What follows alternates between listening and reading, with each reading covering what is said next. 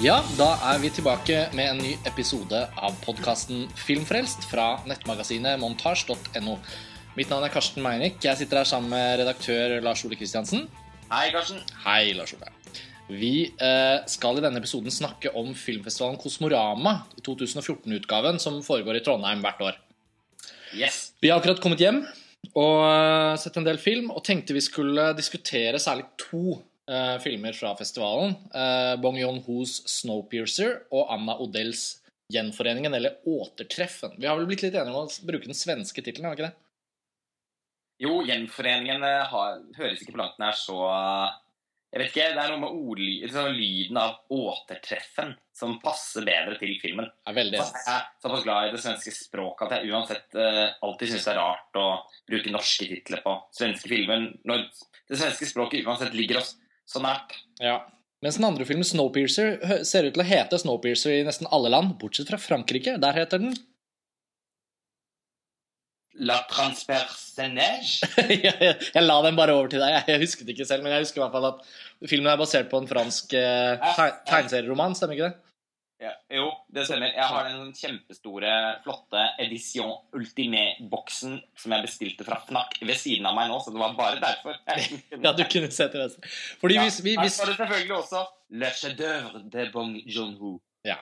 Som franskmennene kan det jo best. Det er liksom Alle andre kan, kan bare håpe at man er like god på franske utgivelser. Men la oss starte med 'Snowpiercer', da. Ja. Det er jo ikke en ukjent film for de fleste av leserne og lytterne våre. Det har, har jo liksom vært, jeg føler det har vært skriverier om den filmen i i hvert fall to år. ja. Først så var det mye skriverier om, om at Bong Joon-ho skulle gjøre en amerikansk film, og at det var en sjangerfilm, og at den var basert på en tegneserie eller en graphic novel.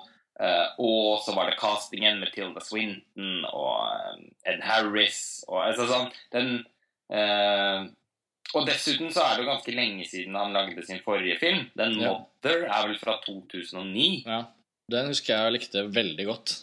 Ja, så vi i Kalorivari. Ja, Eh, den var eh, veldig, veldig bra, ja. Ja. Så, så sånn, og han har gjennom kanskje spesielt The Host, så har han jo også liksom fått seg en litt sånn gruppe med fans. Han er jo kanskje en av de fire store sørkoreanske regissørene. Egentlig kanskje en av de tre, hvis vi ikke regner med Kim Ki-duk. Ja, for Kim Ki-duk har vel bevist seg litt uverdig med de siste type ti filmene sine. ja, det er. Det er liksom en egen humor rundt han. ja, så Hvis han er liksom bare helt ute, så kan vi vel si at eh, Park Chan-wook og Kim Ji-won og Bong Yon-ho er liksom de, de tre musketerene. Og så, er- fins det en sånn periferi av internasjonale cineaster som holder Hong Sang-soo høyest. Ja, Men vi er jo ikke i den periferien. Nei, det er det ikke. Så, Og- og- så med, rom for, eh, med rom for at vi har gått glipp av noe, så er det vel de tre. Og da, og da Ja, er det jo altså, litt faktisk sånn, altså, Jeg tror sørkoreansk film det, altså, det, det lages ganske mye film i Sør-Korea, og det vises ganske mye sørkoreansk film rundt omkring på festivaler, så dette er selvfølgelig Det fins masse nyanser i, i er, det er helt garantert noen sånn utrolig spennende filmkunstnere som heller ikke vi kjenner til der. Men hvis man liksom tenker på Sør-Koreas svar på liksom David Fincher og Christopher Nolan og Darren Aronofsky og de gutta der, så er det på en måte de tre, føler jeg. Ja, det tror jeg man, de det tror jeg man kan si med en viss sikkerhet. Og alle de tre har vel også nå laget en film eh, i USA. Park Chan-wook eh, lyktes jo ekstremt godt med Stoker. Mm. Uh, mistet ikke noe av sin kunstneriske integritet med den. Det har heller ikke Bong Joon-ho gjort med Snowpiercer, som vi skal snakke mer om. Eh, den, uh, The Last Stand med Arnold Schwarzenegger til Kim Ji-won, den var vel kanskje ikke helt der. Nei, der, der glapp det kanskje litt. Ja, det er vel ingen av oss som har sett den, så Nei, det er også litt sånn teit ting å, å dømme den. Men Ja. All mulig empiri tilsier at ikke det var en innertier, da. Men eh, det kan nok hende man ender opp med å se den en del. del. Av meg her, eh, den nå, fordi at jeg føler at um, jeg må se alle filmene til Kim Ji-won. Så Ja. da må jeg på en måte se den nå. Er- Den er sikkert ikke kjedelig. Det er vel heller det at den kanskje er litt monoton. Men la oss, eh, la oss da, etter å ha trukket de sørkoreanske linjer, gå litt inn i Snowpiercer. Jeg tror på sett og vis at Snowpiercer da ikke regnes egentlig som en amerikansk produksjon, men at den i hvert fall er en engelskspråklig på en måte mainstream produksjon. Men jeg tror pengene her kommer fra Frankrike og Sør-Korea, hvis ikke jeg tar helt feil. Stemmer sikkert. men nå er jo alt alt av sånne type produksjoner blir jo en jungel av nasjonaliteter, så det er litt vanskelig å presisere hva det er. Men Snowpiercer er i hvert fall i 95% av scenene på engelsk. Eh, og med hele den postapokalyptiske liksom, science fiction-narrativen, så føles den også på en måte uten nasjonalitet. da. Den er mer som en sånn internasjonal fortelling, kan man si. Tonefallet er jo veldig sørkoreansk, men, men det føles liksom litt mer som en sånn en film for alle, på en måte. Ja, altså, den er jo eh, så usedvanlig rik i den forstand at eh, filmen er veldig mye. Eh, eh, utgangspunktet er at eh, eh, menneskeheten er altså stort sett utryddet pga. Uh, at verden har frosset til is takket være eh, global oppvarming. Mm. Men utover den lille kroken med global oppvarming, så føles det som en ganske sånn Det er ikke akkurat det den handler om. Jeg føler ikke at det er en sånn, et innslag i miljødebatten. Nei, det er det ikke. Det er, bare, det er liksom bare settingen for å ja, For å skape en setting, holdt jeg på å si. Ja. Eh, det, men eh, den siste resten av menneskeheten, som en slags menneskehetens Noas ark, det er da, det er da toget Snowpiercer som skjærer seg gjennom snøen og isen og eh, bevarer eh, den, den, siste resten av menneskeheten fordelt på et utall vogner. Eh, som er inndelt etter et klassesystem. Så fremst i toget bor de mest privilegerte, og bakerst i toget så bor undermenneskene. De, som, eh, de bor nærmest som rotter eller for, for slaver. Bak, bakerst i toget kan man vel snakke om at det er et slags eh, fryktelig undertrykkende diktatur Mm. som motiverer noen av dem til å ta initiativet til en revolusjon.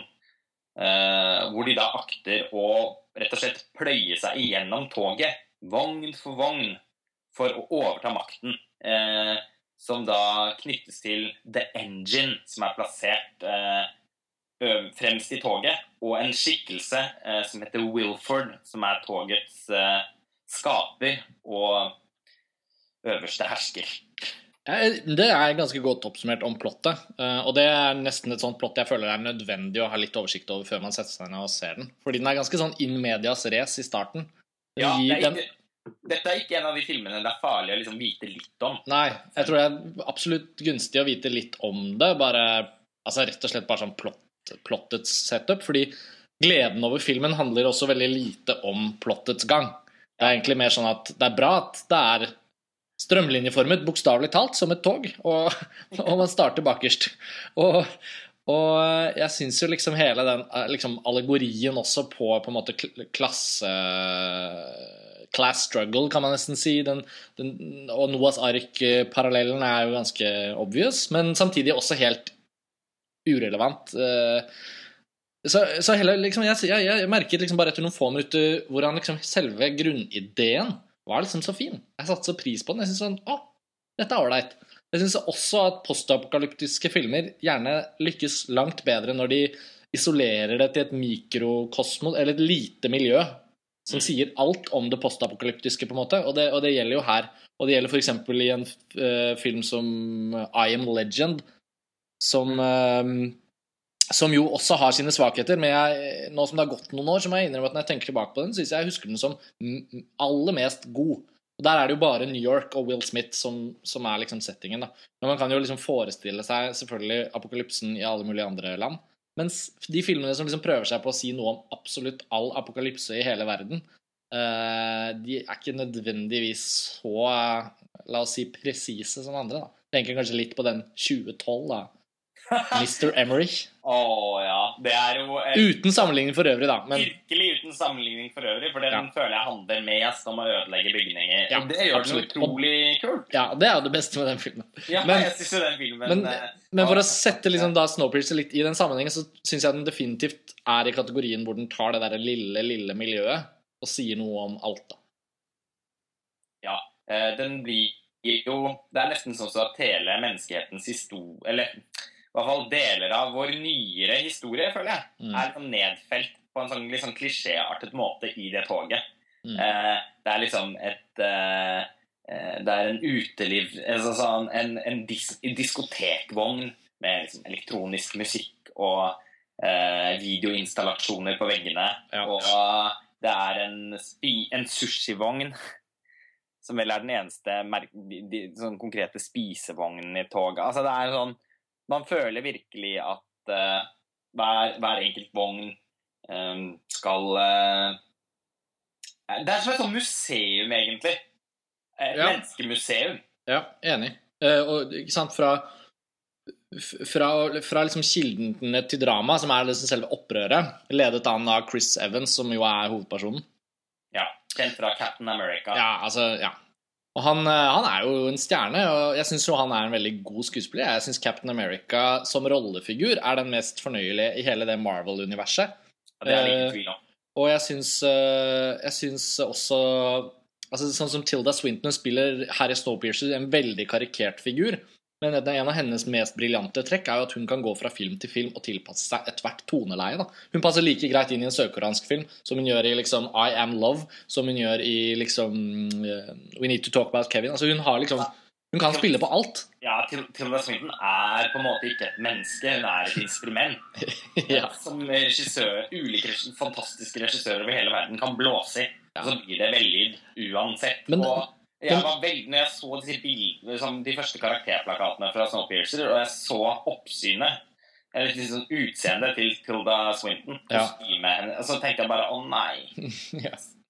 Det ser ikke så kult ut i det hele tatt. Sånn som sånn halvhjertet Tim Burton-ripoff. Men så, eh, akkurat som du sier, da, så er hun jo så bra at hun klarer jo å spille med dette plastgebisset og de eh, colabåndtykke brillene og parykkene. Selv om hun ser helt corny ut, så passer det faktisk både inn i filmen, og det kler henne å spille den rollen. Så Ja, det gjør det. Men jeg syns faktisk han eh, godeste Bong Yon-ho har gjort en veldig god jobb med å faktisk caste filmen presist nok til å passe det litt sånn merkelige Den litt sånn merkelige, tross alt, sensibiliteten som er i som er i mye sørkoreansk film, og som han også er en representant for. Bare sånn som, bare sånn som han um, Ewan Bremner, han som spiller Spud i Trainspotting, som alltid har hatt et sånt utrolig snålt utseende. Ja. Han er jo med her som en dude med krølleparykk, og han mister jo armen på et tidspunkt og er en veldig sånn tegneserieaktig figur. Men hvorfor ikke altså Det er jo så perfekt å da velge en skuespiller som knapt kan unngå å spille tegneserieaktig. Han er jo like snål i alle roller. Ja. Men putter man han i et realistisk univers, så blir det liksom avslørende at han kanskje ikke er noen spesielt stor skuespiller. da. Og sånn er det jevnt over, syns jeg. I hele casten så har han liksom plukket sånne perfekte, litt overdrevne skuespillertyper. John Hurt også, som spiller rollen som John Hurt i alle filmer hvor John Hurt skal være gammel og klok. Han, han kjører på Ja, han har hatt en veldig sånn bra late career, syns jeg. Han må ha spilt denne rollen 20 ganger nå, siden 1990-tallet. Ja, det er helt utrolig hvordan han Men på en eller annen måte så passer han så godt i den rollen nå at, eh, at man Ja, nå er det vel mer på det tidspunktet at jeg svelger det. Det var Ja. ikke sånn at jeg satt og nøt John Hurt. Nei, eh. enig, men, men poenget mitt er vel bare at for å si noe om liksom Ed rollegalleriet Harris derimot, som også stort sett spiller den samme rollen, er jo helt fantastisk. Ja, han er helt fantastisk. Og, og rollegalleriet som helhet har den derre Fordi jeg tenker kanskje mange som gleder seg til Snowpiercer, er nok kanskje litt sånn spent på om, om det blir litt en sånn Blir det litt den sørkoreanske lidelsen for å få en fet science Altså må man ofre noe underveis, da, som kanskje ikke er noe man liker så godt. Og da For det fins jo litt Det er jo litt sånn det blir jo, blir jo litt sånn at man har visse fordommer om at, at sørkoreanske filmer, i hvert fall sånn sjangerfilmer som mainstream-filmer, kan bli litt sånn for ko-ko for deres eget beste. Ja, Så derfor syns jeg det er verdt å si her at rollegalleriet leverer veldig bra, da. Nettopp, og, og det var jo kanskje noe av det som så mest illevarslende ut på forhånd. Altså liksom med hun Octavia Spencer med, litt sånn, med sitt litt sånn merkelige oppsyn, og Tilda Swinton og ja, Det kunne sett litt sånn sammenrasket, eh, eksentrisk ut. Mm. Men, men det fungerer veldig bra, rett og slett også fordi at filmen er så utrolig godt regissert. Ja. Så tonelei, filmens toneleie er på en måte helt Det er utrolig bra balansert. Eh, Den er jo ikke sånn eh, eksepsjonelt eh, engasjerende som et karakterdrama, men den trenger heller ikke å være det. Samtidig som den tilbringer nok tid med karakterene, spesielt eh, i den første halvtimen, 45 minuttene. Mm. Sånn at det aldri er noen tvil om at vi er engasjert i, i, hvordan det skal gå med hver og en av dem. Og filmen er også ganske nådeløs, litt sånn Game of Thrones-style. Ja. Den kapper hodene av én eh, etter én, egentlig. Det er veldig jeg, Dette har jeg sagt til deg mange ganger når vi ser film, at liksom til slutt, når man har sett noen Sånn som Marvel-universet, da. Hvor det er film etter film. Det stryker jo aldri med en eneste karakter, bortsett fra bad guyene, da. Og deres liksom henchmen. Og på en eller annen måte så syns jeg liksom at for å ha oss med, så må man også hvis, hvis, historiene er tilstrekkelig dramatiske, så føles det liksom naturlig når man ser en historie hvor, eh, hvor noen dør, da. Ja. Så, så syns jeg ofte det er en god måte å fortelle så dramatiske historier på. Hvis man tror man skal liksom pakke alt inn i en sånn pyntelig forpakning, men likevel si at dette universet er forferdelig brutalt, da blir det liksom en, en, en misforhold mellom den sannheten jeg er villig til å akseptere, da, selv om et, et univers er et fantasy-univers eller hva som helst. Og I Game of Thrones for eksempel, og sånn som i Snowpiercer, så er det liksom sånn Ja, ingen er hellige, liksom. Uh, og, og, det gir veldig mye til uh, Fordi at karakterdramaet er såpass begrenset, så syns jeg de vinner veldig mye på å gjøre det tilstrekkelig dramatisk, det lille som er. Uh, og det, det, gjør igjen at jeg syns da den, den, Det som kanskje er Snowpiercers absolutte den absolutt største storheten i filmen er jo liksom hvordan den har klart å liksom skape et univers som er visualisert til fingerspissene, som har liksom en sånn magisk, fortryllende følelse. Du føler liksom det bretter seg ut som sånn russisk dukke. Det kommer liksom nye ting, nye ting. Uh, og det blir båret fram av at man faktisk bryr seg. Ja, man gjør det. Og uh, for jeg er jo enig i at jeg syns også filmens fremskrittsskvalitet er uh, og, og, bare så det er sagt, vi er vel vi var jo vi var jo ganske overveldende begeistra da vi forlot kinosalen. Det er ja. en helt, virkelig en helt fremragende film. Ja, det er virkelig en helt fantastisk uh, kinoopplevelse. Det kan jeg komme tilbake til senere. Ja, og årsaken til det, syns jeg, er at uh, den filmen er liksom så uh, Den er som en sånn her varieté, da Uh, noe for enhver smak, på en eller annen måte. Hver eneste vogn i det toget er noe nytt. Så, sånn, eh, så når de har rukket å få etablert universet og konflikten, og setter i gang med den eh, revolusjonen, da, denne reisen gjennom toget, så er det virkelig sånn at man sitter og gleder seg til hver eneste nye vogn. Hva er det som venter bak neste dør? Ja, og der leverer jo filmen. Ja, den leverer virkelig helt fantastisk. Eh, altså, produksjonsdesigneren her burde få kastet priser etter seg.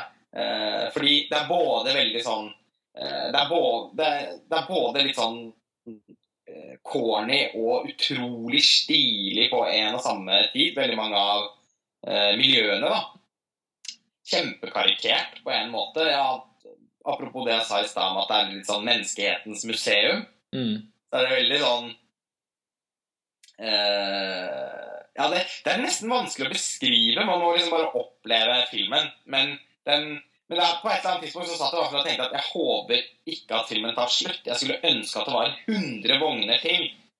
Uh, at det var en kjempelang TV-serie med, med, vogn etter vogn etter vogn. Ja, Da tror jeg man hadde slått det kanskje litt i hjel, for å si det mildt. Uh, det er jo fantastisk at man får lyst til å vite mer, og det er ferdig. Nettopp. Og den filmen er også veldig disiplinert på den måten at man sitter aldri og eh, den, den, tøyler ikke strikken sin for langt. Da. Den vet liksom akkurat hvor lenge den skal holde på. Og man, man, jeg satt i hvert fall og, og, var tørst på mer når filmen var ferdig, og det er jo alltid et veldig veldig godt tegn. Samtidig som den også forløses på en veldig tilfredsstillende måte. Så det er ikke noe sånn loose ends, eh, egentlig.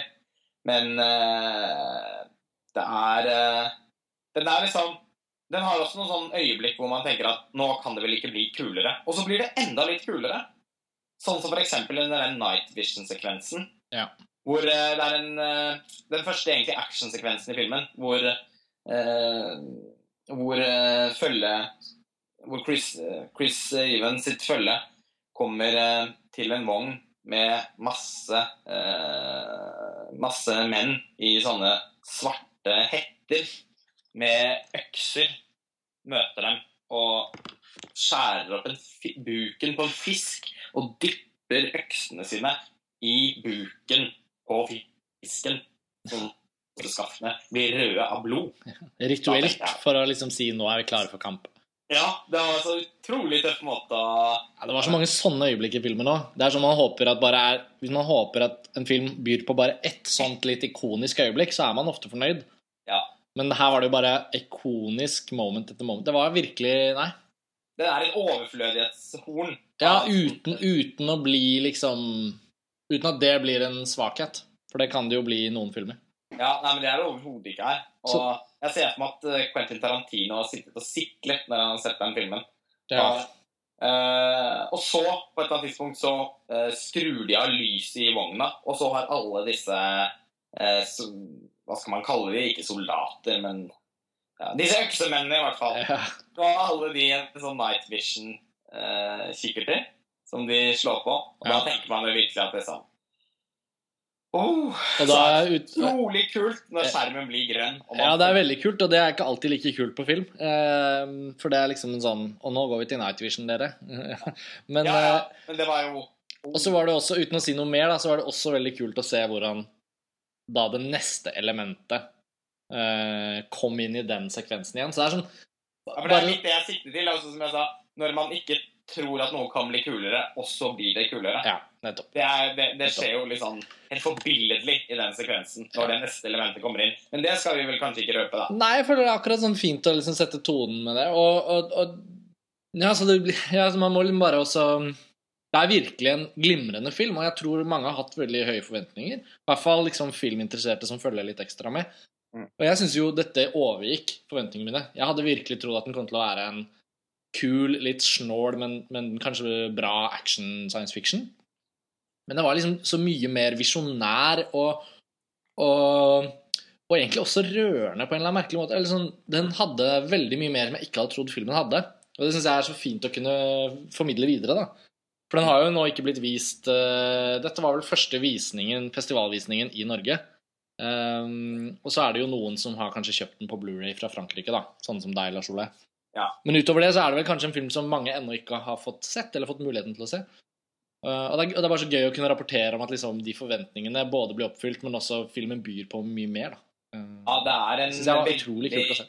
Uh, det er veldig mye glede å hente ut av den filmen på alle liksom, tenkelige nivåer. egentlig. Den er Mm. ganske tankevekkende, selv om det ikke er en temafilm. Sånn som du snakket om i stad. Det er ikke noe sånt innlegg i miljødebatten, eller noe sånt, men den, det er likevel ganske mye å tenke over etter å ha sett filmen. Og den, og den er morsom. Overraskende morsom, syns jeg. Eh, ikke på, bare på en sånn corny sørkoreansk måte, som man kunne ha fryktet. Den, er, den har noen elementer av altså visuell humor som bare er eh, veldig kostelig, rett og slett. Ja.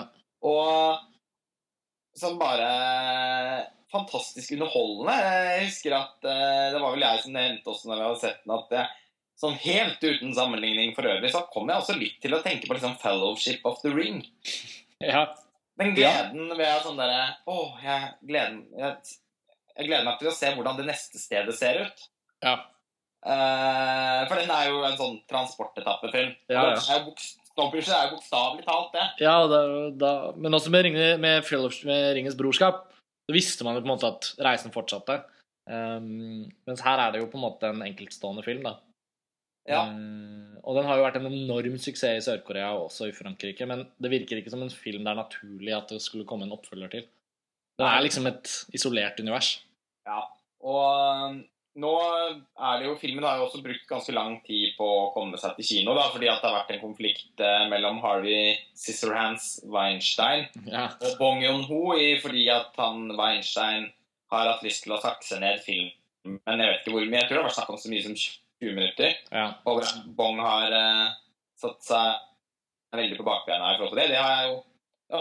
og, og så har det kommet et forlik, da, sånn at det, ikke blir noen eh, nedklippet versjon av filmen. Eh, jeg tror ikke nødvendigvis det ville vært veldig skadelig for den. Nå har jeg fått sett den en gang til òg. ja du, for du så den hjemme etter at vi kom hjem fra Kosmorama? Ja. Ja. Og jeg tror ikke det hadde vært veldig skadelig for filmen å sakse bort fem til ti minutter. Sånn litt her og der. Mm. Eh, Men særlig mye mer enn det ville vel kanskje tatt bort mer enn det tenker jeg ville ødelagt filmen. Ja. Så vi skal være veldig lykkelige for at det ikke Den er er akkurat sånn noen steder at uh, man tenker at den henger litt, men så gjør det virkelig ingenting heller.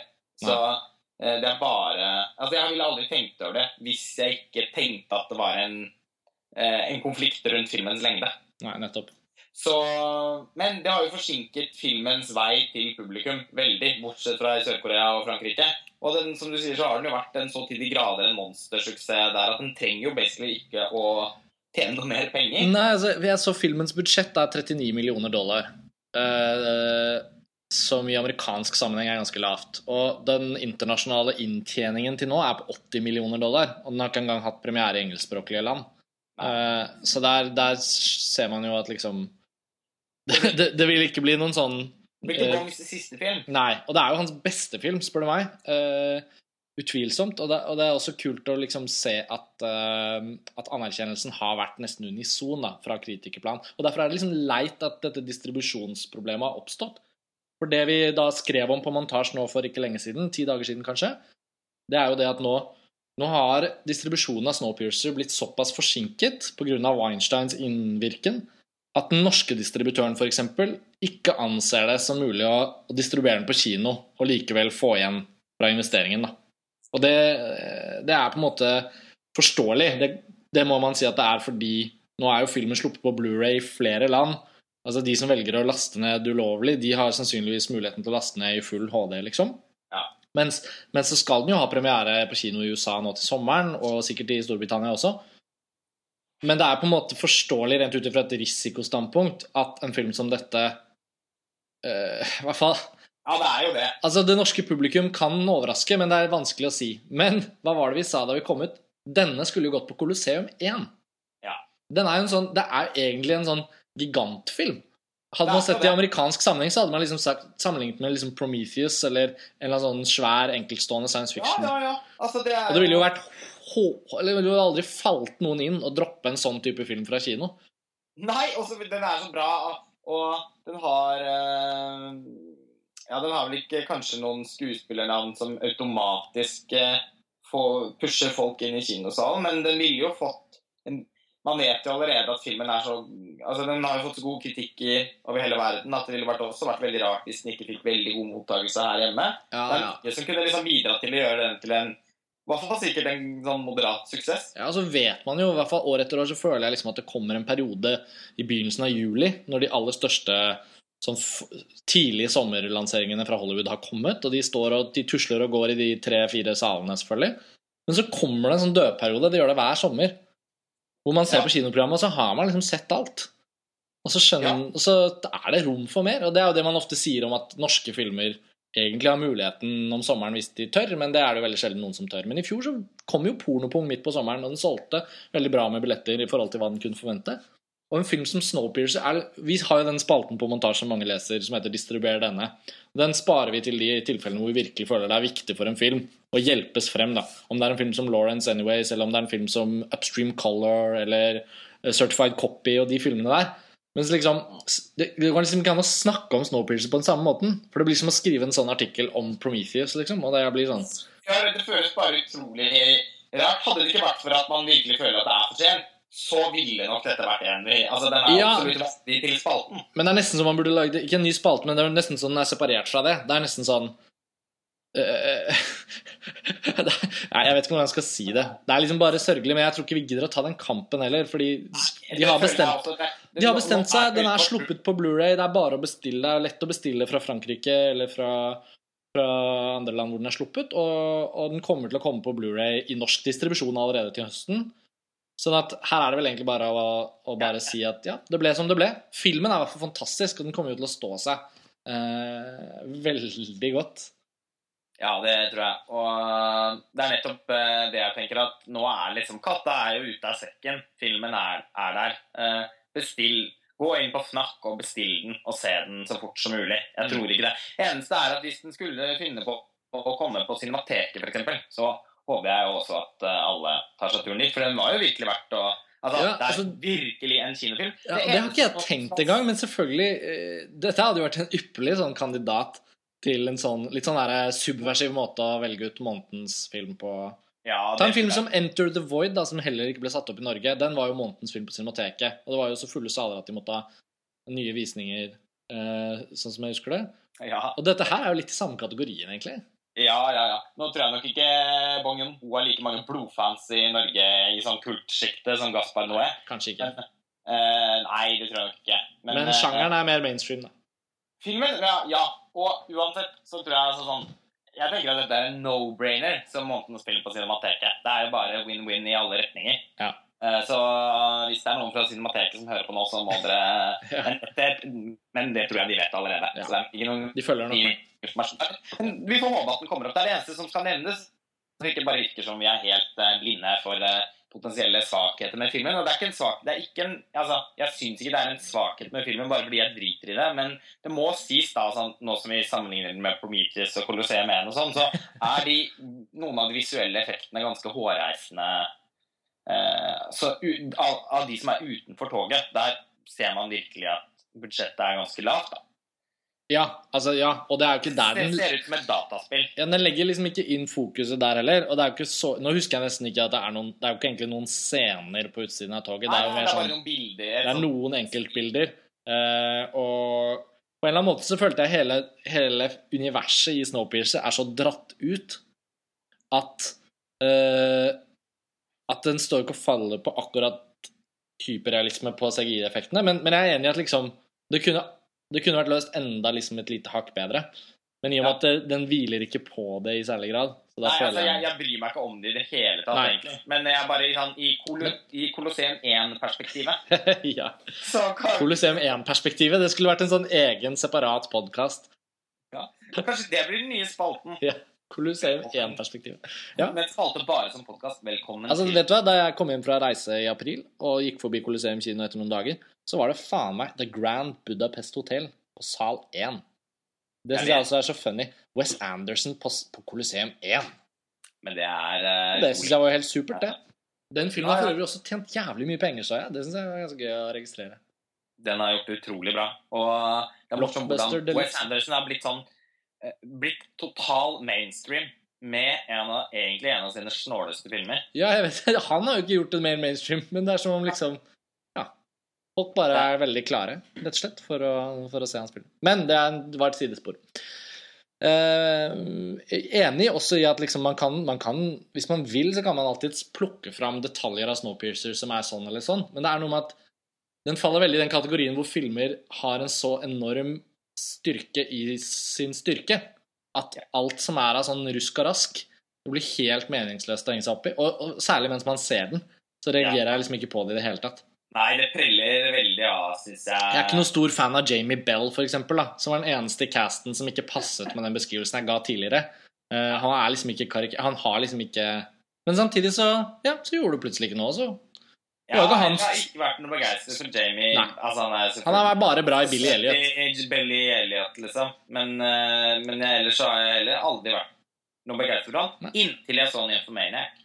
Ja, den har ikke jeg sett ennå, så da Nei, For det der er han kanonbra. ja men, ja, men det er kult. Han og von Trier, liksom. Ja, det var veldig merkelig, men han er faktisk eh, Han gjør en av de aller mest minneverdige prestasjonene Oi, i Shit, det har jeg faktisk ikke Det har ikke du sagt til meg ennå. Det er gøy. Nei, eh, men jeg Gøy. føler jo egentlig ikke at vi har snakket så mye om den. Fordi at jeg, nå, du må bare få sett den, og Ja. du skulle egentlig se den i kveld. Og så Ja, og så gikk ikke det heller. Sånn er det. Men Så det, eh, det er det om Snowpiercer, kanskje. Vi skal jo videre. Vi må jo få snakke litt om film nummer to også. Återtreffen. Ja, og Fra én ting til noe helt annet. Eh, vil du gi en sånn kort beskrivelse? Fordi det, Vi kan si det med en gang. 'Återtreffen' er jo da en svensk debutfilm regissert av Anna Odell, som til vanlig er kunstner, mer performance- og konseptkunstner. Filmen hadde premiere i Venezia i fjor. Den ble liksom den store kritiker- og publikumsvinneren i Sverige, og den vant Gullbaggen for beste film og beste manus og sånn. Eh, den filmen hadde jeg gleden av å se uten å vite nesten noen ting om plottet. Og vi har vel bestemt oss for å snakke så lite som mulig om plottet, sånn at dere som hører på, kan høre vår samtale om filmen, men fremdeles gå til den med, med ganske åpent sinn. Ja, Fikk jeg, fikk jeg med alt da, i forhold til hva man burde si før man begynner å snakke? Ja, det syns jeg, fordi jeg så filmen med eh, en del Jeg så filmen i Tromsø tidligere i år med ganske mye mer informasjon i bagasjen enn det du hadde. Og det, var, det skulle jeg ønske jeg ikke hadde. Mm. Så sånn sett så vil jeg jo frabefale alle å lese noe særlig, eller høre noe særlig om filmen før dere den. Så egentlig kan dere bare slå av nå. Men for vår egen del, så Ja, og vi må jo prøve å snakke om den uten å, uten å gå inn på det for mye, da, syns jeg. Men utgangspunktet er i alle fall at uh, hun, Anna Odell har da laget en film om uh, hvor hun rekonstruerer en klassefest som hun selv aldri ble invitert til. Eller en klassereunion som hun selv aldri ble invitert til. Men hun har på en måte Så da blir det jo ikke egentlig en rekonstruksjon. Men det blir en, en, en, en Hun har laget En film av det, i hvert fall. ja, en film om hvordan hun tenker seg at det kunne ha vært hvis hun hadde kommet på klassereunion. Uh, og hun har da vært eh, et mobbeoffer i under alle årene eh, på skolen, og på ungdomsskolen i hvert fall. Og så møter hun her eh, hun, eh, Litt på samme måte som da Ulrik Thomsen slår på glasset i festen Ja. eh, og skal holde en av ja, en av to taler. Nå husker jeg ikke hvilke farger det er på disse talene. Men, men eh, hun eh, holder da en Ønsker å si noen ord. Hvor hun på en ganske sånn syrlig og intens måte vel, og anklager alle i det rommet for å ha bidratt til at hennes liksom, vei ut i livet var, ble helt forferdelig hard og, og vond og vanskelig. Men at hun har kommet seg opp. Fordi hun er jo Hun spiller jo seg Altså, hun har jo fått, fått en karriere som kunstner. Og Ja. eh, føler seg vel på en måte eh, eh, ganske over en del av de drittsekkene som sitter i det rommet i dag.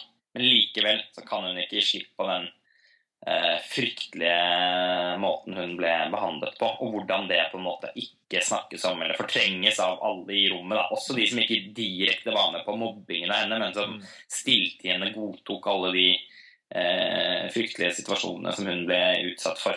Mm. Det, Det er liksom så filmen, så filmen har jo på en måte et veldig sånn Veldig allmenngyldig og veldig sterkt og viktig tema. Ja, mobbing, Rett og slett. Men samtidig, eh, og du må gjerne korrigere meg, fordi det er jo på en måte en temafilm, men det er utrolig fascinerende hvor god denne filmen er først og fremst som en slags sånn spenningsdrama. I hvert fall opplevde jeg den veldig som det.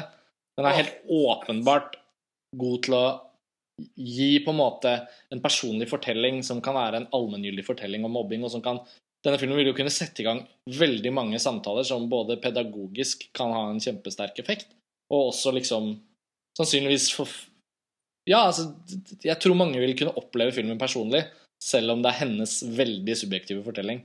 Men fordi manuset hennes og liksom måten hun bretter ut historien på, er tenkt så klokt og kult som det er, da, så syns jeg filmen ble voldsomt spennende å se. Det er Jeg, jeg satt ikke underveis i filmen og følte at det var en film om mobbing. Jeg satt underveis i filmen og lurte på hva, hva blir det neste nå. Å, herregud, liksom. Ja. Skal hun si Nei, nei, nei. nei, nei. Altså, jeg bare satt og vred meg i setet, men i positiv forstand, da. Ja, særlig da i denne første delen, som er Ja. radikalt forskjellig fra den Andre delen. del Og den andre delen bør forbli ganske usnakket, fordi det er ganske interessant. Ja, Dessverre er det også den delen som er mest interessant å snakke om. Fordi Ja, men- den delen av filmen er jo også eh, Selv om den er uhyre godt spilt Ja. og veldig altså sånn Hun viser jo et, eh, et helt sånn åpenbart stort talent eh, eh, som regissør. Måten hun har rett og slett instruert hele den, skrevet og instruert den sekvensen på. Og Ja. måten spiller den på selv også. Hun er så intens i, sitt- i nærværet sitt med de øynene som bare Ja, de skjærer liksom gjennom lerretet. Ja, og så har, og så har hun liksom en sånn balanse i hvordan hun håndterer dette på. Altså, nå tenker jeg på en Anna Odell er både regissøren og mannsfatteren bak filmen. Hun er da skuespilleren i filmen, spiller hovedrollen, og dette er hennes helt konkrete egen opplevelse, som nesten er på en måte bokstavelig gjenfortalt. Sånn som hun forestiller seg den, da. Mm. Og det å liksom Det å forholde seg som publikummer, og også for oss som kritikere, da, forholde seg til hennes forskjellige roller, og hvor god balanse jeg opplever at hun har hatt selv, da, som skapende kunstner og som utøvende kunstner. At hun liksom Hun klarer å løse rollen som Anna Odell på alle de planene. og, og hun er jo ikke direkte sympatisk skildret heller. Ikke sant? Det er jo det er rett og slett sånn at man føler uff, for en ufyselig dame på ett vis, og så på en annen måte så blir man helt sånn Nei, men herregud, tenk at hun kan stå rakrygget opp i denne situasjonen i det hele tatt. Det krever jo en helt utrolig hun, Altså hennes kunstneriske mot da, med hele prosjektet. Ja. Det imponerer meg så til, til ryggraden at jeg, jeg kom ut til den filmen så var jeg helt sånn Dette er jo noe av det beste som er lagd på lenge, liksom. I hvert fall hvis man isolerer det til Norden, da. Og tenker ja, liksom på hva, hva, hva, hva Uh, Nå skulle jeg til å si von Trier, men det var jo faktisk jeg mener, Men jeg mener ikke at det nødvendigvis er han godeste Thomas Winterberg, da. Men jo, han må jo få cred for et eller annet. eh, men jeg syns jo festen er ganske alene i hans filmografi. Så tettfullt av jakten. Men det er noe med det når det liksom vrenger seg i en film, sånn som de gjør i Festen, og sånn som de gjør i Återtreffen, og sånn som de tross alt gjør i, i De ufrivillige. Mm. Det er liksom noe det, det er noe Det dirrer på en sånn måte. Lilja Forever, jeg vet ikke hvorfor jeg trekker opp den nå, for den er så annerledes som film, men det er noe med at når noen virkelig får det frem, når noen klarer alle de tingene som kan gå feil, og, og, og klarer liksom bare å, å destillere det inn i en film, sånn som jeg syns Anna Odell har gjort her, da, så blir det så imponerende at det er vanskelig liksom det, Ja, det er bare rett og slett ekstremt høyt eh, nivå. Ja, jeg, jeg er til dels veldig enig i det, fordi man blir litt sånn Filmen bærer liksom Det er en kraft i filmen som er liksom umulig å Som man ikke kan komme utenom, og som er veldig rammende. Og jeg syns at filmens mesterskap på en måte ligger i eh, eh, Altså Del to. isolert sett, sett av den tingen, det elementet ved filmen som jeg syns er mesterlig, det er henne. Altså hennes iscenesettelse av seg selv, som du var inne på. Ja. Det, det med at hun også fremstår så, som så uhyggelig. Eh, som en sånn person man ikke har lyst til å kjenne. Det er ikke så ofte ikke så ofte filmskapere som lager filmer om seg selv, fremstiller seg selv på en sånn måte. Samtidig som man ikke på et eneste tidspunkt kan sette Altså, man kan heller ikke så tvil om hva hun forteller. Fordi eh, overbevisningskraften i måten hun formidler de historiene og de anklagelsene på, er så eksepsjonelt overbevisende Ja. og så sterk at man også Man har også all tenkelig sympati, da.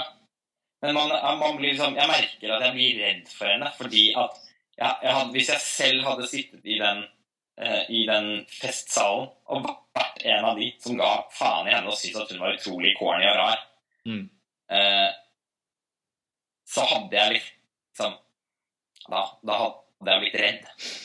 Og Ja, eh, Men det er, av kraften, det er noe av kraften i det hele, da. At eh, jeg Ja. tror alle som ser filmen, om de selv hadde vanskeligheter på skolen, eller om de selv var populære, eller sånn, sånn Det er på en måte en film som prøver å se Se og på et sett og vis kritisere alle de rollene man bare glir inn i som barn. Og mange jo Man må jo kunne slå fast at mange barn ikke helt kan kontrollere situasjonen de er i. Enten om de er liksom de verste mobberne, eller om de er de verste mobbeofrene. Selvfølgelig kan de det litt, men så er, de, så er man barn. Og så er det liksom lærere, og denne filmen er veldig lite opptatt av liksom lærerne og de foreldrene og sånn. Den fokuserer veldig på hva var dynamikken oss imellom? Hvorfor ble det som det ble? Og hvorfor har vi endret oss så lite nå, nå som vi er voksne?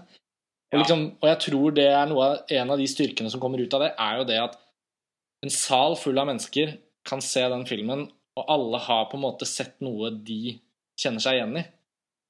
ja. Til og med de som var midt imellom, som verken mobbet eller var mobbeofre, og som bare var fornøyde med å sitte alene og holde på med å tegne noen tegninger, og ingen brydde seg, men det var ikke ille heller, ikke sant?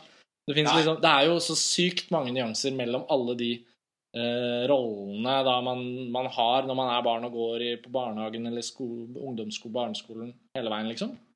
Det, eh, Filmen er så god på det. Ja, filmen er veldig god på det. Men den er også den første delen av filmen, da, som varer ca. 40 minutter eller noe, Mm. eh, er jo også ganske Eller 45 minutter, 50 minutter, husker ikke helt. Men den, eh, den er jo også nokså liksom, konvensjonell i Altså hele den settingen føles jo ganske velkjent. Og den er som, som sagt så er den veldig bra, veldig godt spilt og og sånn Mm, godt mm. regissert, liksom. Så Mm. den er så den blir veldig Og som du sier, den er den er veldig intens. Rett og slett veldig spennende å følge med på. Uh, men den slutter jo, da. Ganske Altså, den nei, føles også ganske god. Uh, og jeg Og den Hun går liksom I del to så går hun over i et mer sånn der Ruben Østlund-modus. Ja. Altså, vi, kan jo bare, vi kan jo snakke litt om det. Da kan vi bare si til alle dere som hører på akkurat nå, at hvis dere ikke har sett Återtreffen ennå, så anbefaler vi dere at dere ikke hører på de fem minuttene som kommer nå. Ja. sånn? Så kan vi få snakke litt om det. Og hvis dere har sett filmen, så kom gjerne med i diskusjonen i kommentarfeltet, for det er så mye å snakke om. Ja, fordi jeg vet ikke hvordan du opplevde altså Som du snakker om filmens tematikk og at det er Jeg opplevde nok ikke det som så uh, som så overraskende eller som noe så nytt. da. Jeg syns egentlig uh, jeg føler egentlig ikke at filmen bringer noe spesielt nytt til torgs. Det er laget andre Etter å ha gått på skolen gjennom 90-tallet, som var på en måte mobbingens tiår I hvert fall fordi det kom i fokus. Det var, vel, ja, altså, det var, der, det var da man begynte å snakke om mobbing på et sånt samfunnsnivå. Ja, altså, det var vel den Og det høres jo uh, helt uh, merkelig ut å si, men det var vel den gangen hvor de virkelig trodde at de kunne bekjempe mobbing. Uh, det er jo sannsynligvis dessverre noe som aldri helt vil forsvinne. Men, men jeg, det var jo utallige sånn antimobbekampanjer og videoer, og de snakket om det på Midt i smørjet, og vi var på seminarer. Jeg husker jeg satt i elevrådet og var på masse kurs om hvordan liksom, sånn dynamikk funker. Så på en måte så, så føler jeg Og det har vært så mye debatter på TV om det. og i tillegg er det laget filmer om det. og 'Kunnskapens tre' av Nils Malmros for eksempel, er en helt fantastisk film om, klassen, om hvordan dynamikken i, eh, i, en klasseromssituasjon sakte, men sikkert kan forskyve seg over to år. Mm.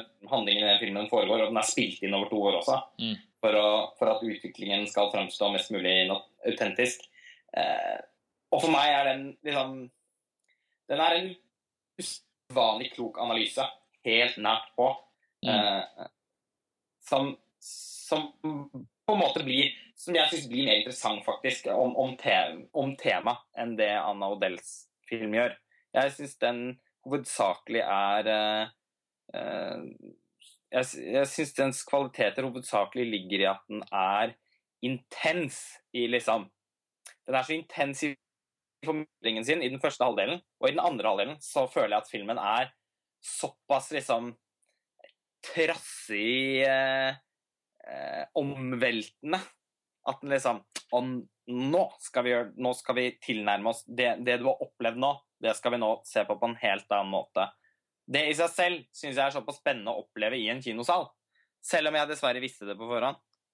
Eh, så syns jeg bare det skiftet og måten jeg må omstille meg på som tilskuer, og gå inn og regelrett analysere situasjonene i den første halvdelen av filmen ja. med et sånn, nesten sånn metablikk, ja. det syns jeg var eh, veldig interessant. Ja. Jeg tror, men jeg tror egentlig vi er enigere enn det hørtes ut som nå. For, for det jeg mente, var vel ikke nødvendigvis at den var så enestående viktig som sånn tema mobbing. Det jeg prøvde å si, var vel bare at det er helt åpenbart at mobbing er den sentrale tematikken her, fordi det er det den handler om. Men, men, eh, men, så kan man si at den egentlig kanskje ikke handler om mobbingen. Det handler om hvordan man kan diskutere årsaker til mobbing, på en måte, eller hvordan det kan både tematiseres gjennom å iscenesette en sånn reunion, da, som det tross alt er, men så, når hun gjør det grepet i del to, hvor hun plutselig basically begynner å analysere hvordan filmen ses, eller hvordan den avfilmingen av uh, reunionen kan ses, da. Og det hun gjør, er jo da at hun, hun tar kontakt med sine faktiske klassekamerater uh, på telefonen og inviterer dem til å komme Noen utvalgte da, som var spesielt ille. Inviterer dem til å komme og se den 45-minutters-filmen eh, om en reunion som ikke hun kom på, ikke hun ble invitert til, og så få deres reaksjoner. Hvordan var din versjon av dette? Kjenner du igjen deg selv? Er det sånn? Og, hen, og, det, og det, er jo selvfølgelig også gjort med skuespillere, og også gjort med et manus, men basert på hennes research og faktiske samtale. Og jeg er helt enig med deg. at det, det er jo eh, det grepet, hvordan de da slynges inn igjen i filmen, men fra en ny vinkel. Og hvordan, eh, akkurat som du sier, hvordan man plutselig begynner å tenke Hvordan var det jeg så de første 45 minuttene av denne filmen? Hva var min reaksjon? Det er jævlig spennende. Mm, Det er kjempespennende i seg selv. Og det er derfor hun burde fortsette å være filmregissør. Hun burde ikke gå tilbake til å være sånn konseptkunstner. Nei, sånn som å lage sånne ting som ingen ser. her. Jo, men på vegne, fordi vi er filminteressert, så blir man jo interessert i at et så talentfullt og så liksom kompromissløst individ som henne, da. Og at hun klarer å ta opp arven på en måte etter Ruben Østlund uten å bli en sånn Ruben Østlund eh, eh, Ja, Det er jo helt for det har man jo eh, sett veldig mye av nå. Ja, jeg føler at Ruben Østlund er liksom i ferd med å bli litt den nye kiosken. Så Ja, alle skal gjøre det, liksom. Ja, altså Herregud, her for en eller annen gang eh, tidligere i vinter så var jeg så en film eh, på fem minutter med en som satt og runka på Frogner kino, og hvor Ruben Østlund var på besøk og skulle diskutere den filmen, laget av en som het Falk. Eh, etterpå, da tenkte jeg, altså Det at Ruben Østlund kommer for å snakke om en film som dypest sett er så uspennende, da tenker jeg at nå, da må han kanskje passe seg litt for hva han Hva han på en måte setter navn så Han har Ja. ikke satt navnet sitt på den filmen, men hele arrangementet handlet jo om at Ruben Østlund skulle komme. Ja, altså faren for, faren for at folk etteraper eh, Ruben Østlund, er jo at Ruben Østlund i seg selv eh, vannes ut, da. Og ja, det, altså Faren med det er at noen lager en film med én innstilling Ja. hvor én sitter og runker foran en laptop. Ja. Det er, det er på en måte parodien på uh, Østlund-inspirasjon, regner jeg med. Uten at jeg har sett dette prosjektet. Nei. Nei. Eh, Men Anna Odell er jo ikke det, Jo, den er jo ikke noe å se, holdt jeg på å si. Den er jo bare det. Ja. Eh, men den er jo liksom det, Eller jeg syns det er drepende for Ruben Østlund sitt prosjekt. Da, Ja. At det er så mange som eh, forsøker å utforske noe av det samme som han gjør, men uten den kløkten og den humoren, ikke minst, som, som ligger i Ruben Østlund sin eh, Som, som finnes i Ruben Østlund sine filmer. Og det er også en del humor i Återtreffen, selv om Anna Odell ikke umiddelbart fremstår som en spesielt humoristisk person, så eh, er det mye humor i de pinlige situasjonene med, Ja, absolutt. liksom disse snittene hun har smurt. Og, ja, ja. Jeg syns, jeg syns jo at Anna Odell er en av de første som, som faller veldig heldig ut av sammenligningen med Ruben Østlund. Da. For jeg syns hun gjør noe Ruben Østlund ikke foreløpig har klart. Eh, Som er å på en måte tørre å rette blikket også mot selve Ja, skap... Altså hennes rolle som iscenesetter, da. Mm. Uh, og det tror jeg egentlig kunne vært velkomment, uh, i hvert fall fra meg, da. Uh, neste gang Østlund Ja, nå får vi jo se en ny film han i Cannes, da. Men jeg skulle egentlig også gjerne likt å se Se han korte ned distansen mellom iscenesettelsene sine og seg selv. Det kunne vært interessant. Jeg fikk aldri sett den mobilfilmen som jeg hadde så lyst til å se, husker jeg.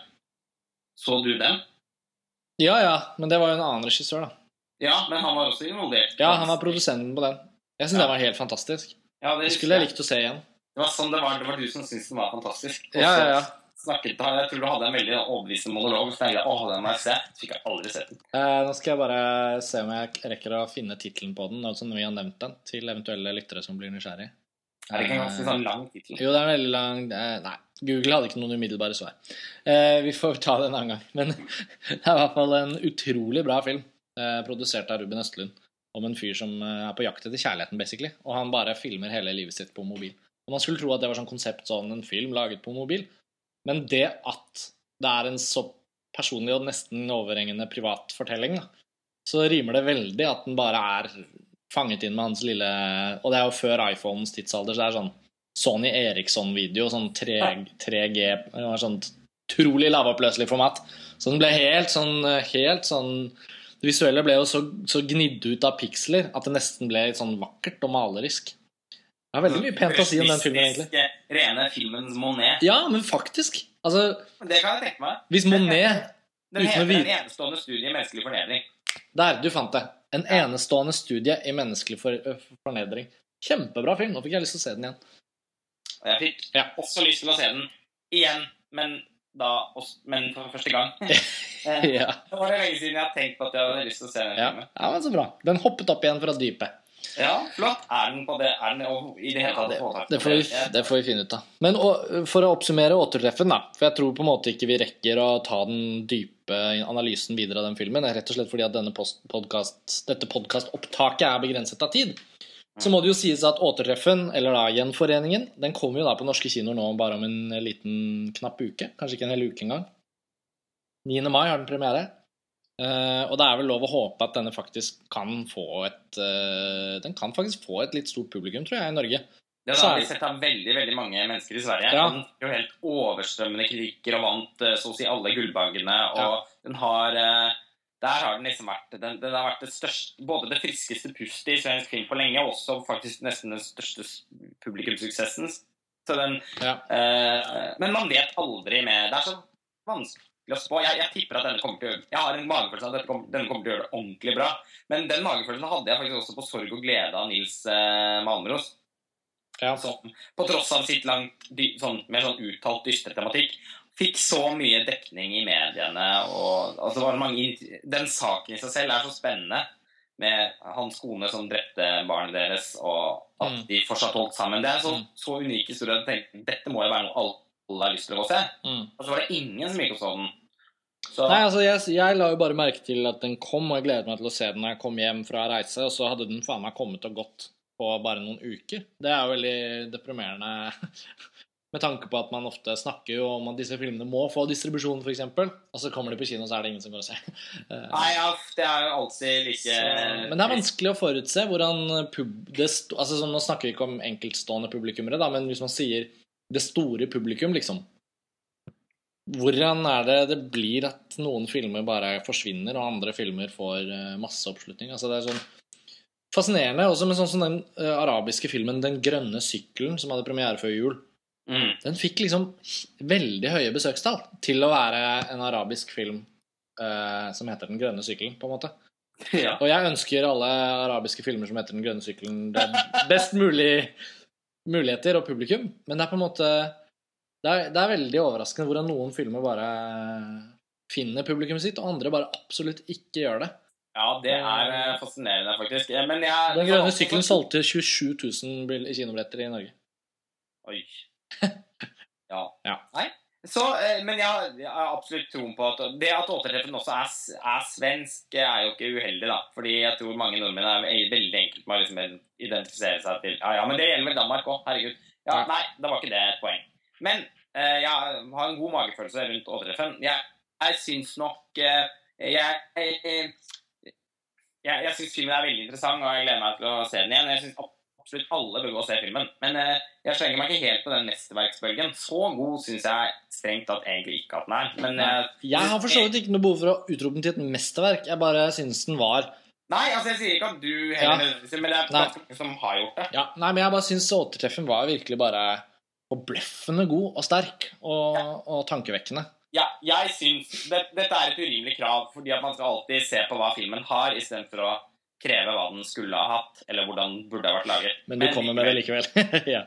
Eh, hvis Hvis den andre delen av filmen ikke hadde vært en rekonstruksjon, men som illuderer å være en dokumentar, Mm. men en faktisk dokumentar, da hadde filmen vært fantastisk.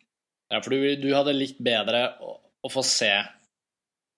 Se og høre de faktiske Selvfølgelig. Det Men hadde jo det er ikke sikkert de kunne, hadde hatt evnen til å være så presise som de scenene er i filmen. Nei, men det hadde skapt en følelse av, av angst. Men det er, dette er, nå, er vi, nå skal vi avslutte, og det er akkurat det du kom inn på nå, som kanskje er en av de mest spennende samtalene man kan ha om återtreffen. Men det, men det er en sånn samtale som virkelig kan liksom forgrene seg over de fleste som jeg har sagt, eh, som jeg liksom kommet med det Ja. ønske, presenterte det ønsket for, har jo sagt ja, jo, selvfølgelig, men det er vel ikke mulig. Det hadde vel ikke vært mulig. Jo, det er mulig, men det er ikke Det det er fordi større mirakler har skjedd Ja, ja, ja.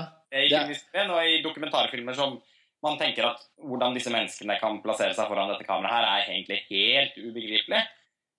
Det hadde Så- absolutt vært mulig, men jeg er ikke sikker på om det er det Jeg, jeg, jeg syns den varianten hun har valgt, var, var veldig Det var noe med spenningen og presisjonen som jeg ofte da i motsatt fall syns at dokumentarer som bruker et eller annet hyperrealistisk materiale, likevel ikke helt får. da. Er mange ganger jeg har sett en dokumentar og tenkt den var bra, men jeg skulle likt å sett den i fiksjonsvariant av en god filmskaper. Så man Eh, kan jo, man kan jo Man kan jo spekulere, men det er jo ikke Jeg syns ikke det er helt opplagt at det materialet For det har vi heller ikke kjennskap til. Eh, og jeg syns en fiksjons, fiksjonsvarianten av de virkelige hendelsene synes jeg var helt ypperlig.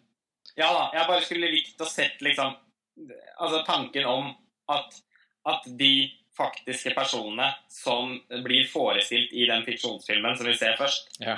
å få se de se den filmen ja. Det hadde vært priceless, det er jeg enig i. Ja, det hadde vært uh, Men noen andre kan jo da stjele den ideen, for den har ikke Anna Odell valgt å gjøre. Nei, vel bekomme. Krediter meg vennligst. Kanskje en remake av Nokas?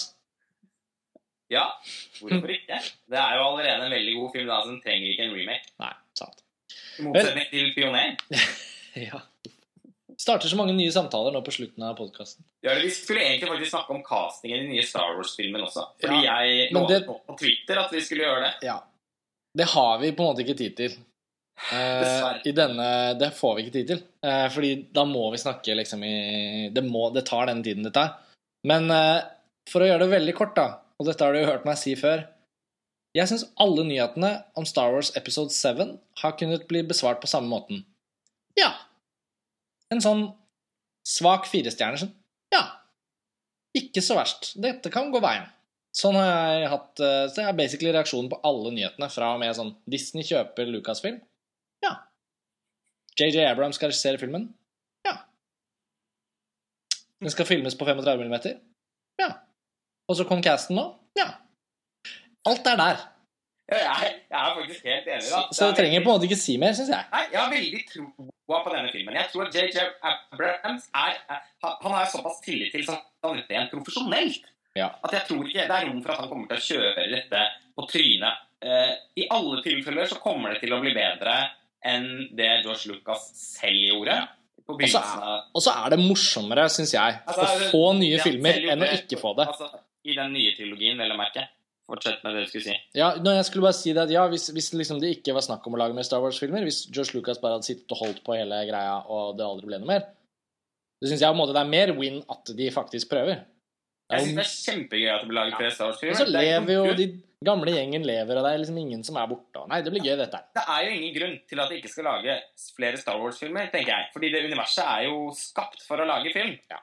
Og, lag, og, og jeg er sikker på at eh, man kan komme, finne masse gode historier som er tilpasset det universet. Og jeg syns jo hele det teamet som er med nå, virker veldig Det virker supert. Eh, Men det er sånn solid og veldig bra. Det er ikke sånn at jeg klikker av entusiasme over at Men eh, altså han, Valget av Adam Driver som bad guy er dog veldig inspirert. Det er det. Og så er det andre castingvalg som er litt mer sånn hm, ja ja, Mark Hamill. Det blir spennende å se hvordan Ja, det altså, Ja, hvordan hans eh, liksom sånn plass, bortimot sånn plastisk opererte ansikt skal Hvordan han og Carrie Fisher og Harrison Ford Det er den delen som bekymrer meg absolutt mest. Samtidig som når jeg så det bildet av at de sitter og leser gjennom manuset i fellesskap i sort-hvitt, som ble Kjente du det banket litt? Da kjente jeg faktisk at det banket litt. Og det at jeg, det at, da var det at de tre satt der faktisk sånn helt så helt fantastisk. Så, Ja. så kanskje jo, Bare det ikke blir som Indiana Jones 4, Ja, ja, nei. Men nå det. Og Max von Sydow var med i filmen. Han kommer jo til å dø snart, så han, og han er helt fantastisk. En av historiens beste skuespillere. Så måtte han spille så mange kule roller som overhodet mulig Før før han forsvinner. Han har jo også Han kan også lett bli litt sånn typecastet. Litt, litt sånn som John Hurt. Ja. Men, Men, men, nå må vi faktisk avslutte. det må Faktisk. det. Han skal sikkert Ja. være en gammel og vis mann. Ja, jeg tipper han skal være en gammel og vis mann. Men, Men, skal vi, Andy Serkis være uh, det er det store spørsmålet. Det var det jeg var mest interessert i. Ja. Er han digital, eller er han seg selv? Du hadde en veldig morsom uttalelse når vi snakket om nå må, Akkurat det siste her må vi ta. Du hadde en veldig veldig morsom uttalelse her eh, når vi snakket om Kasken eh, del, ja, dagen etter at den kom. Vi fikk det ikke med oss fordi vi var på Kosmorama, og det skjedde masse greier. Men da vi, den første samtalen vi hadde om filmen, og, eller om Star Wars-castingen, hvor Andy Serkis kom opp, og du, så kom du med en veldig sånn liksom er, er, men er ikke Andy Serkis Jeg har ofte dypest sett tenkt at han kanskje er han enda bedre som skuespiller som seg selv enn som motion capture. Og da var det sånn Hvilke Hvilken rolle var det du tenkte på da? Jeg stoppet opp to sekunder, og så var jeg vel kanskje litt uenig med meg selv, da. Men jeg ga han en mulighet der. I, en, i et slags positivt resonnement. Det er vel kanskje Men jeg, jo, jeg syns det jeg faktisk tenkte på da jeg sa det Men så viste det seg at det var det eneste eksempelet jeg hadde, da. Det var jo likevel at i det flashbacket i jo at begynnelsen av 'Atter en konge', er det ikke det? Jo. Eh, Nå glemte jeg plutselig hvilken. Ja. Bilsen av en konge', når han fremdeles liksom ikke har blitt Gollum ennå, da, men han dreper sin eh, bror, eller hva det er. Der er han faktisk veldig god, som, som Andy Serkis, da. Men uh, det er klart at når du har liksom Gollum og han derre apen, som jeg syns var fantastisk, og han Captain Haddock og Når du har så mye bra på, på ditt digitale resymé, så kan man kanskje ikke trekke fram han kokken i King Kong. Han jeg tenkte at du tenkte. Ja. Andy Serkis er jo selvfølgelig best som King Kong i King Kong, men han er jo også i den rollen som han kokken på den Ja, det er vel ikke like bra. Nei, du hadde rett i det. Så vi får håpe at han eh, Det blir vel en digital karakter, da. I, eh, Forhåpentligvis ikke Jar Jar Binks. da. nei. Det var noen som sa at hvis denne filmen blir dårlig, så kommer han til å kalle han regissøren for Jar Jar Abrams. Ha, ha, ha. Ah. Men okay. nå avslutter vi. Dette ble fint, føler jeg. Jeg håper folk får lyst til å se begge disse filmene. Snowpiercer kommer da på Blu-ray til høsten. Og hvis vi får det som vi vil, kanskje på Cinemateket som månedens film. Den er Og så er den på Blu-ray. Yep, den er på Blu-ray på franske Nakk.com. Bare å bestille. Vi leverer på døra. Kjempebra service. Nack.fr, er det ikke det? Nei. Jo, det er det kanskje. Og så er det Återtreffen, eller Gjenforeningen, som har da premiere 9. mai. øh, I hvert fall i norske byer. Og så kan det hende den sprer seg rundt og blir skolekino hele sommeren igjennom. Den er i hvert fall skapt for det. Lars Ole, nok en episode av Filmfrelst er over. Eh, Jeg syns som regel vi har det hyggelig, også i dag. Eh, nok en utfordring, nok en suksess. Svaret er yes. Så får vi bare satse på at øh, vi er tilbake i forbindelse med Kampfestivalen, for det er bare ti dager til. Oh, det er det. Det Det det. blir veldig gøy. Det gleder vi oss til. Håper dere Yes. gleder dere til å høre på hva vi har å melde derfra. Takk for at dere hørte på, og kom til kommentarfeltene med tanker og meninger om filmene hvis dere har noe å melde. Vi Ha høres. Bra. Ha det bra. Ha det.